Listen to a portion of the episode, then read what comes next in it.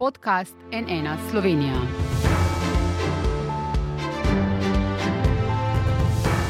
Dobr dan, to je NN studio. Bil je šele tretji predsednik računskega sodišča. Njegov mandat namreč traja kar devet let, toliko kot denimo mandat ustavnega sodnika.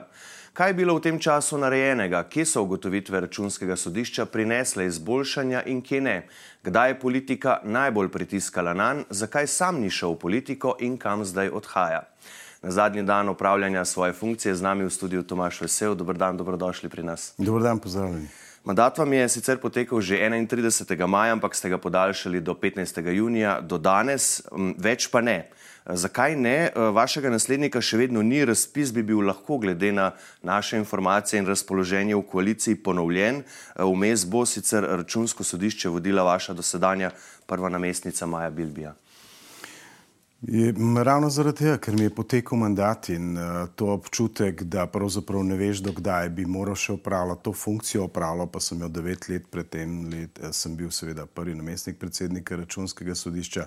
Mislim, da je dovolj. To je tudi signal, da se vendarle izbere predsednik računskega sodišča. Nočem biti en izmed onih funkcionarjev, ki se oklepa svoje funkcije, uh, ki bi želel ponoviti, ki bi se videl v neki konstanti. Uh, upravljanje javnih funkcij, zato sem se odločil, da s 15. junijem odstopam. Poleg tega je to dva meseca, odkar so bile zbrane prijave eh, predsedniku republike.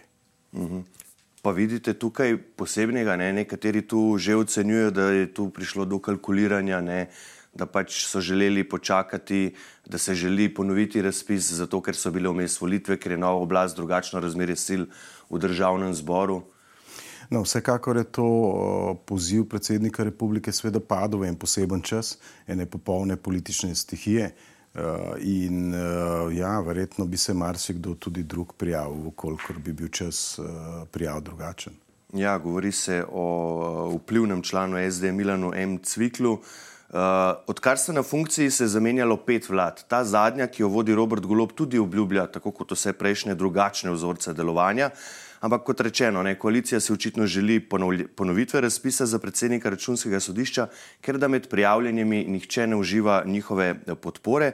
Prijavili so se pa, če naštejem, bivša generalna direktorica finančne uprave Jana Ahčin, vrhovni državni revizor Miroslav Kranc, nekdani direktor Republiškega urada za nadzor proračuna Dušan Strle in vrhovni državni revizor Aleksej Šinigoj. Te ljudi večinoma poznate, menite, da imajo strokovne kompetence za to, da lahko uh, pač opravljajo to pomembno funkcijo predsednika računskega sodišča, pri politiki očitno podpore ne uživajo. Glede na to, da z nekaterimi delam skupaj bi bilo nekorektno, da ocenjujem, kdo je boljši in kdo je slabši, jaz mislim, da je vsak od njih seveda lahko zanimiv uh, in to izbiro prepuščam politiki, kajti je potrebno je vedeti, da uh, da je to mesto predsednika računskega sodišča v bistvu senzibilno. Svojo neodvisnost moraš izkazovati iz dneva v dan. V relativno dolgem mandatu, devetih let, je to neodvisnost potrebno pogosto izkazovati. Mislim, da je prav, da si politika vzame čas in premisli, kdo je pravi kandidat. Pa so tu, po vaših izkušnjah, mnenju med zadnjimi petimi vladami, sploh kakšne razlike? Ne? Videli smo kar nekajkrat, če se ni prijavil naš, bomo pač ponovili razpis. Ne vem, če so razlike samo glede tega, sicer pa so seveda velike razlike med posameznimi vladami. Glede računskega sodišča so bile vlade, ki so uh, bolj pogosto iskale naše mnenje oziroma neka priporočila ali pa tudi komunikacijo in pa uh, so bile vlade oziroma kar vlada, ki se je tega močno izogibala. Uh, tako da ja, seveda delim na različen nivo komunikacije, nekatere so bile zelo neprijetne govorimo o zadnji vladi, ne o prejšnji vladi, ki je uh, ravno kar se je dobro poslovila. Ne? Ja, v zadnji vladi je bilo status računskega sodišča, da je bolje, da ga ne bi bilo. Uh mhm. -huh. Zdaj, uh, pri katerih težko je seveda ocenjevati zdaj novo vlado, ker v bistvu obstaja samo še dva tedna, ampak pri katerih njenih potezah morda vidite napredek glede na prejšnje in, in kje nazadovanje? Ne mogoče podati uh mhm. -huh. resno ceno po dveh tednih. Eh. Vzorce kadrovanja pa vidimo. Ne? Vzorci kadrovanja pravzaprav v ničemer ne odstopajo od uh -huh. uh, česar koli prej. Jaz mislim, da je uh, vendarle um, tisto, kar je opaziti, ena bolj odprta komunikacija, ki mislim, da je že samo po sebi odličen signal. Uh mhm. -huh. Pri kateri reviziji ste imeli sicer največ težav s sodelovanjem revidirancev? Ne? O tem ste kar pogosto tožili. So bila to morda ministrstva, drugi državni organi, politične stranke? Um, pravzaprav um, se v zgodni fazi revizije hitro vidi, kaj revidiran želi. Želi sodelovati z nami ali želi na nek način uh, podaljšati uh, revizijo. Um, mislim, da smo imeli zazite probleme s sodelovanjem revidirancev pri reviziji zaščitne opreme, to ni nič novega. Uh, sicer pa imamo z vsemi dosti dobre odnose. Uh, 90 odstotkov naših popravljalnih ukrepov oziroma naših želja pa priporočil se razvijala že kar med samimi revizijami. Železni nabor revidiravcev, ki smo jih pogosto revidirali, naše delo ocenjuje kot tisto, ki jim lahko pomaga. Mhm. Pa je bilo, omenili ste zdaj ta primer ne, zaščitne opreme tudi v zadnjem času absolutno bil najbolj odmeven. Tudi spomnim se, kakšno je bilo takrat pričakovanje celo politike. Ne. Se en del politike takrat skliceval, ravno takrat je potekala. Potekal poskus menjave vlade uh, s Karlom Rjavcem in koalicijo KUL, pa ni uspel. Uh, in so bili pač politični pritiski. Ne? Poleg tega, da pač ni želela politika, omenili ste vem, večkrat gospodarsko ministrstvo, ne? sodelovati, ampak ali je politika poleg tega, da ni želela sodelovati, tudi pritiskala in če da, na kakšen način?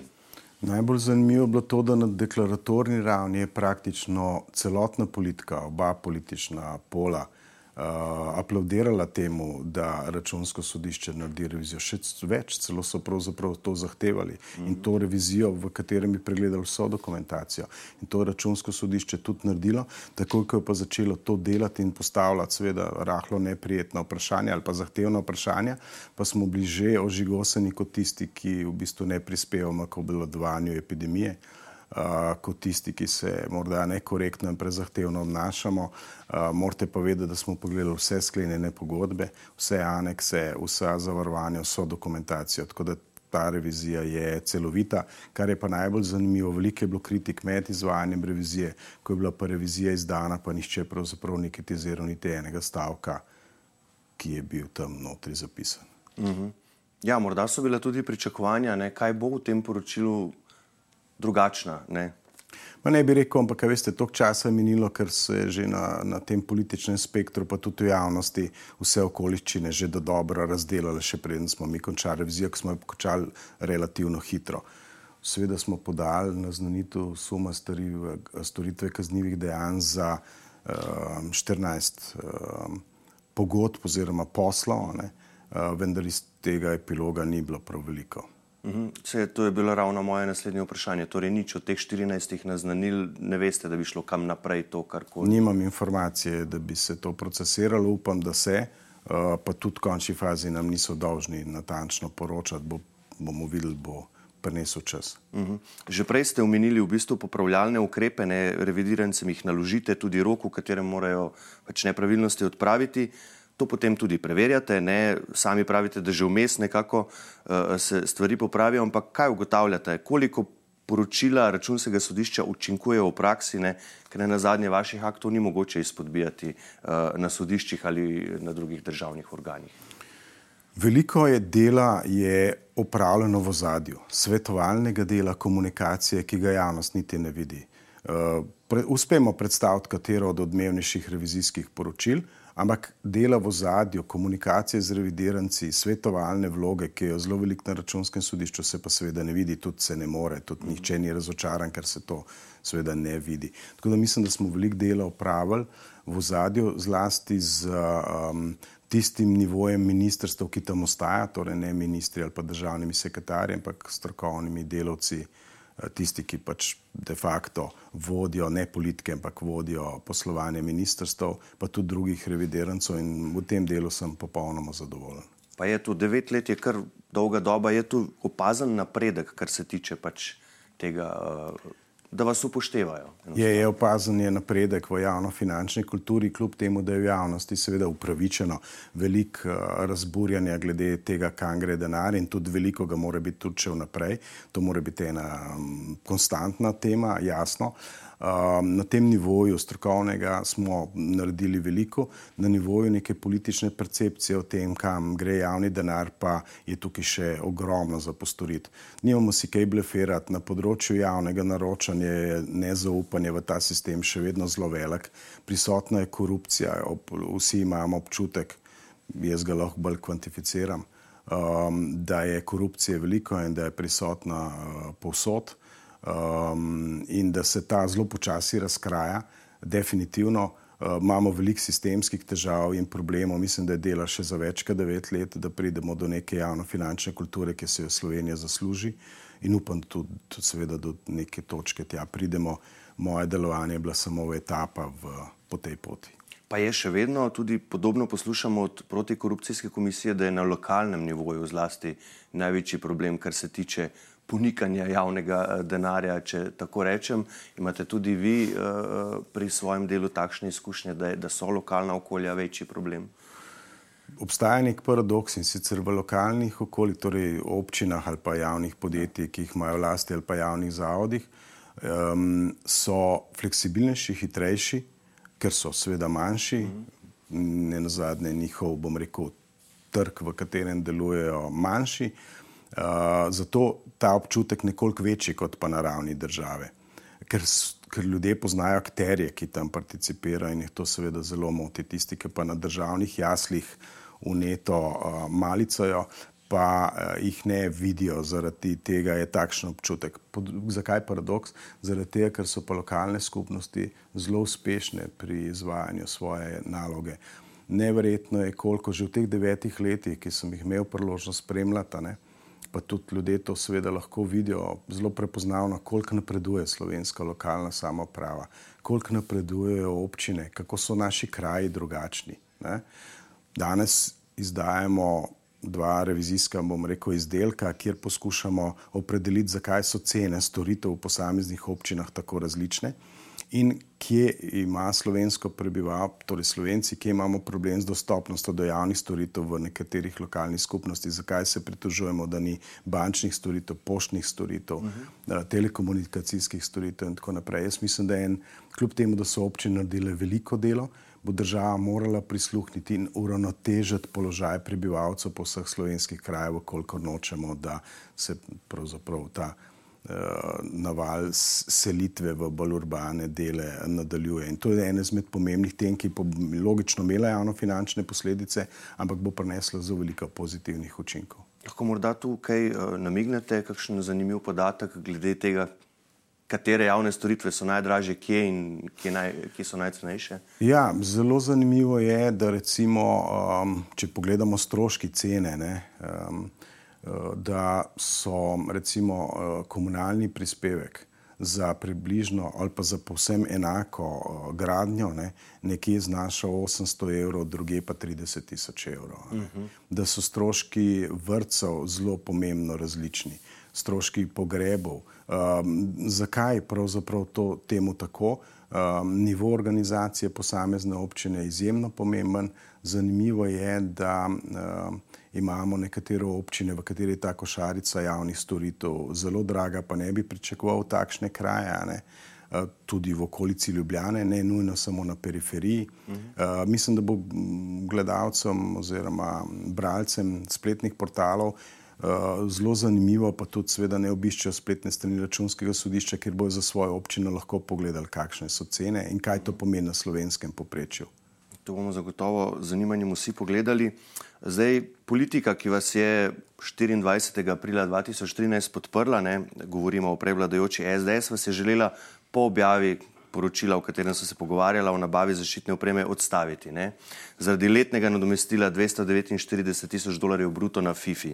Zdaj KPK je glede tega primera ugotovila, da je FIFA ustanova, da ste vi tam upravljali nadzorno funkcijo in da v tem primeru ne gre za nezdružljivost funkcij. Večkrat so na KPK podarili, da višina zneska ni pomembna. Vi ste svoje nadomestilo prijavili Fursu in plačali davke. KPK pa je v ugotovitvah tudi zapisala, da ste javno govorili o pisnem mnenju morebitni nezdružljivosti, za katerega ste zaprosili prejšnji senat komisije, kar je javno potrdil tudi nekdani predsednik Štefanec. Ampak tega mnenja nikoli niste predložili javnosti in tudi na zaprosilo komisije v tem postopku ga niste predložili. KPK ga po temeljitem pregledu arhiva ni našla, še piše v teh ugotovitvah. Zakaj ga niste predložili?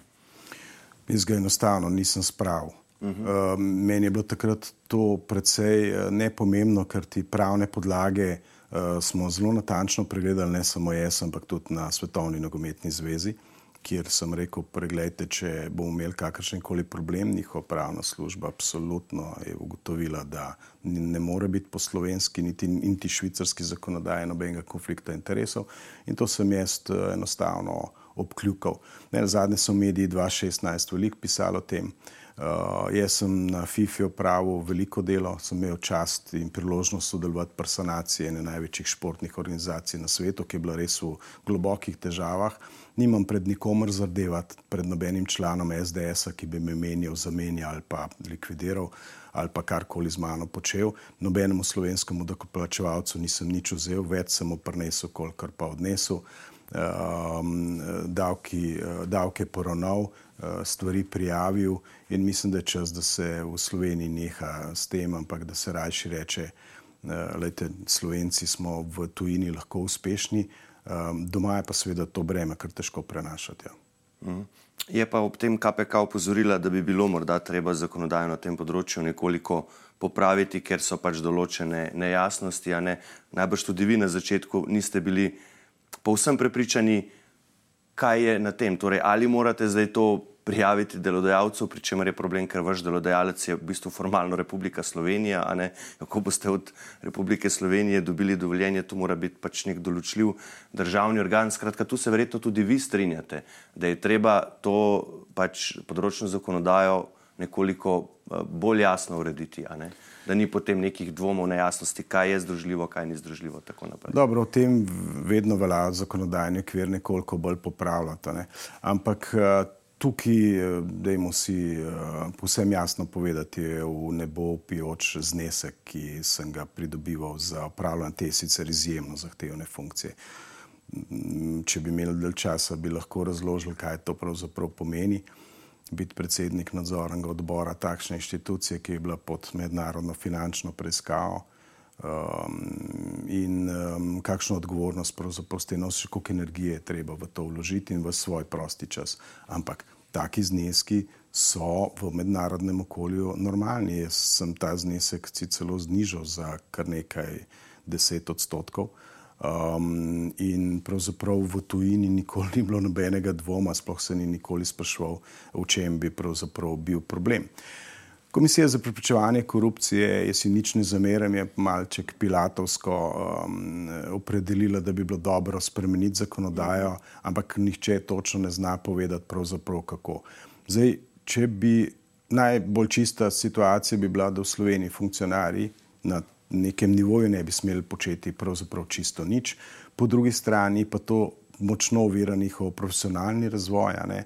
In ne na zadnje, um, povsem jasno moram povedati, da so najvišji funkcionarji v Sloveniji, pa ne jaz kot predsednik računskega sodišča, nisem imel s tem težave, ampak recimo predsednik vlade, predsednik republike, plačani um, mizerno. Vem, da delajo za javni interes, ampak pravzaprav, ko to primerjaš, da je lahko javni uslužbenec, ki je pač. Eh, svojo kariero prišel do 57. plačnega razreda, pravzaprav s vsemi dodatki, malicami in tako naprej, skoraj da isto plačo, približno isto plačo, kot jo ima eh, minister. Uh, je to paradoks sam po sebi, v katerem delu je logike pa spada opredelitev, da ima predsednik komisije za preprečevanje korupcije bistveno manjšo plačo kot pa večina ali pa pomemben del javnih službencev Republike Slovenije. Ne, ampak mi demagoško to vprašanje ne odpiramo, ker ne prinaša političnih točk. Po mojem mnenju bi mogel biti predsednik vlade, ne glede na to, kdo je, da se mm. razumemo, plačan uh, bistveno, bistveno več, kot je plačan v tem trenutku tudi ministri, kaj ti nišče me ne bo prepričal, da vkolikor ministr dobi samo ta sredstva, da to ne prinaša nekega potencialnega korupcijskega tveganja. Ampak uh, leta, leta tečejo, nič se ne zgodi, kljub, kljub opozorilom. Uh, ampak to sem si drznil povedati in bom tudi vedno povedal. Ja, voljivci so pač na to občutljivi in potem nobena politika v to kislo jabolko v bistvu ne želi uh, ugrizniti. Podobno je tudi, ko si ne oduzemajo pristojnosti za določena imenovanja v državnem zboru. Tudi, tu, tudi pri teh stvarih uh, je potem vedno uh, so kakšni zadržki. Uh, zdaj odhajate v medijski imperij družine Odlazek, skupino Medija 24, to ste že potrdili. Kakšna bo vaša zadolžitev tam? Ne gre samo za medijski uh, del, pa temveč tudi za več drugih dejavnosti v tej skupini oziroma povezanih podjetij oziroma podjetij, s katerimi so, sodeluje, je približno 1400 zaposlenih, um, veliko invalidov. Um, želeli bi, da je to sveda in je tudi družbeno odgovorno podjetje. Uh, zelo zanimivo mi je bilo pridobivati ponovno izkušnje v zasebnem sektorju, da vidim, kako pravzaprav državo vidi zasebni sektor. Uh, jaz mislim, da bo izzivov zelo, zelo veliko in se jih veselim. Uh mhm. -huh. Boste morda pravno svetovali tudi glede zadnjega primera pravne bitke, ko je slaba banka proti dolenskemu listu vložila tožbo za sodno izključitev družbenika, sodišče pa je po poročanju dela ugodilo in je tako zdaj družba Salomon pomemben del tega medijskega konglomerata, v katerega odhajate, zdaj v stotstotni lasti DOTB, torej države. Ne? Če bo sodba seveda pravnomočna, napovedana je pritožba. Boste tudi pri tem uh, sodelovali, svetovali? Pa seveda logično gre za eno pomembno odločitev, ki niti ni pravnomočna, niti ni temu res tako, da preide v stotstotno uh, last DTB-ja oziroma države. Zelo bi bilo nenavadno, da država obdrži ta delež oziroma ga mora seveda lastnikom potem izplačati. To je bila ne, nekoliko nenavadna rešitev, zelo v nasprotju z strategijo tako DTB-ja kot upravljanja državnega premoženja. Ja, to je verjetno samo ena, zaduži, ena izmed zadužitev, verjetno bo pa izzivov veliko. Uh, kakšno sporočilo pa po vaše pošiljate čez mesta generalnega državnega revizorja, odhajate v skupino, ki izdaja več kot 60 medijev, pri čemer je portal podčrto v svoji preiskovalni zgodbi upozoril, da zakon o medijih pri nas prepoveduje hkratno upravljanje časopisne, radijske in televizijske dejavnosti, da pa imajo mediji v skupini Medija 24 več kot 10 različnih izdajateljev, ki so prepleteni v kompleksno lastniško mrežo, to mrežo pa po pisanju portala nadzoruje en ključni razlik podjetnik Martin Odlazek in njegovi družinski člani, se zavedate teh uh, opozoril? Um, lastništvo medijev v slovenskih rokah je izjemnega pomena, da vam nekoliko vrnem žogco. Um, seveda je to potrebno upravljati na način, ki je vzdržen, ki je seveda uh, pravilen, jasno, ampak je izjemnega pomena. Poglejte, neodvisnost medijev je ena izjemna civilizacijska pridobitev, ki jo je treba čuvati in varovati, in ne na zadnje se mora tudi država obnašati na ta način, da svojim oglaševanjem ne preferira svojih lastnih političnih projektov oziroma medijev, ki predvsej izkrivljajo uh, realno sliko v Sloveniji. Uh, jeste en del medijev, ki je bil seveda politično financiran in verjetno še v nekem delu je. Mirno imenujem uh, tovarno zlobe, ker tudi deluje na takšen način. Uh, tako da moram si pogledati celotno situacijo, da bi lahko uh -huh. uh, povsem suvereno opredelil se uh, do tega vprašanja. Ja, za vstop v politiko se potem niste odločili, čeprav ste imeli kar nekaj pogovorov na to temo. Mrzikdo vas je nagovarjal, tudi v bistvu ste kar resno razmišljali in rekli ste, če se bodo ti siloviti napadi name nadaljevali, potem bom šel v politiko. Do neke mere so vse, ampak se za to niste odločili. Zakaj ne? Enostavno ni bilo potrebe. Uh -huh. Ker? Ker eh, so se stvari zložile tako, kot se na nek način uh, morajo, oziroma bi se lahko. Uh, jaz sem hotel profesionalno upravljati svojo funkcijo predsednika računskega sodišča do konca, to sem storil, uh, potrebe po nekem večjem angažmaju ni bilo uh, in sem s tem povsem miren in povsem zadovoljen. Uh mhm. -huh. Ste pa nekako rekli, ne, če bi vas kadarkoli kasneje država še potrebovala, ne, z veseljem pomagate še naprej, torej pač te možnosti, če sem pravilno razumel, v bistvu ne izključujete. Ne? Ne, zakaj bi jaz sem angažiran državljan, ni mi vseeno, kako se v Sloveniji živi. Velik del svojega časa sem pravzaprav pustil državi, skrbel za njene interese, upam si to reči, čeprav bo marsikdo zavijal z očmi. Um, mislim, da mi tako levi kot desni pol politike, eni bolj stisnjenimi zumi, sicer priznavajo mojo objektivnost in neodvisnost in ne na zadnje tudi ustrajnost. Uh, ker kot državljan, ki je na nek način angažiran, ki mu ni vseeno, vkolikor bo ta potreba toliko velika in da bom tudi jaz začutil, da mi je to še izziv, ne morem si zapreti nobenih vrat, ampak v tem trenutku pa ne vidim potrebe potem. Uh mhm. -huh. Za jesenske predsedniške volitve so vas že kaj spet nagovarjali? Nihče me ni nagovarjal, tudi vejo, da sem jaz precej samosvoj in, uh, in mislim, da to je en izmed razlogov, zakaj me nihče nič ne nagovarja. Torej, če tako le vprašam, jesen še ne. Ne, ne, jaz imam veliko uh, drugih izzivov, nekaj ste jih sam naštel, ne vidim, da bi obstajal kakršen koli čas, ki bi bil presežen v, v, v tej smeri. Dobro. Gospod Tomaš Vesel, najlepša hvala, da ste bili naš gost in seveda kamorkoli vas pod že zanese naprej uspešno delo. Hvala vam, hvala za obilo. Hvala pa tudi vam za vašo pozornost. Če ste morda začetek oddaje zamudili, je že v celoti na voljo na naši spletni strani nnainfo.si. Iz studija pa le še lepo zdrav in nasvidenje.